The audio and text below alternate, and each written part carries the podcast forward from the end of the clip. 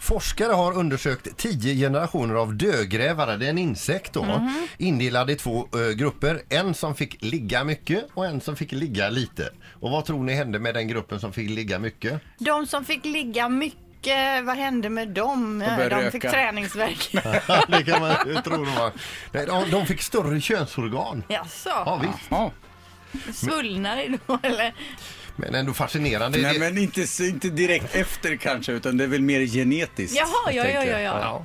Men alltså de här forskarna i tio generationer eh, då utav dödgrävare har de suttit med linjal efter samlag. Men alltså en dödgrävares eh, genitalier, hur stora är de egentligen? Är de ens mätbara? Tydligen. det framgår inte här, men de, är i alla fall, de har ju de, har- de har ju fått sära på benen här i alla fall Jag och tittat känner efter. nu med en gång efter den här artikeln att jag måste googla dödgrävare. Jag måste veta mer. Dödgrävare, penis på samma. För att veta Nej, exakt. det eller? behöver vi inte just. Utan överlag så väcktes mitt intresse för dödgrävare Ja. här nu. Ett poddtips från Podplay. I podden Något Kaiko garanterar östgötarna Brutti och jag, Davva, dig en stor dos skratt.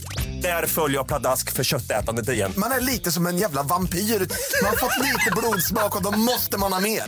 Udda spaningar, fängslande anekdoter och en och annan arg rant. Jag måste ha mitt kaffe på morgonen för annars är jag ingen trevlig människa. Då är du ingen trevlig människa, punkt. Något Kaiko, hör du på Podplay. Därför arkadeinerna.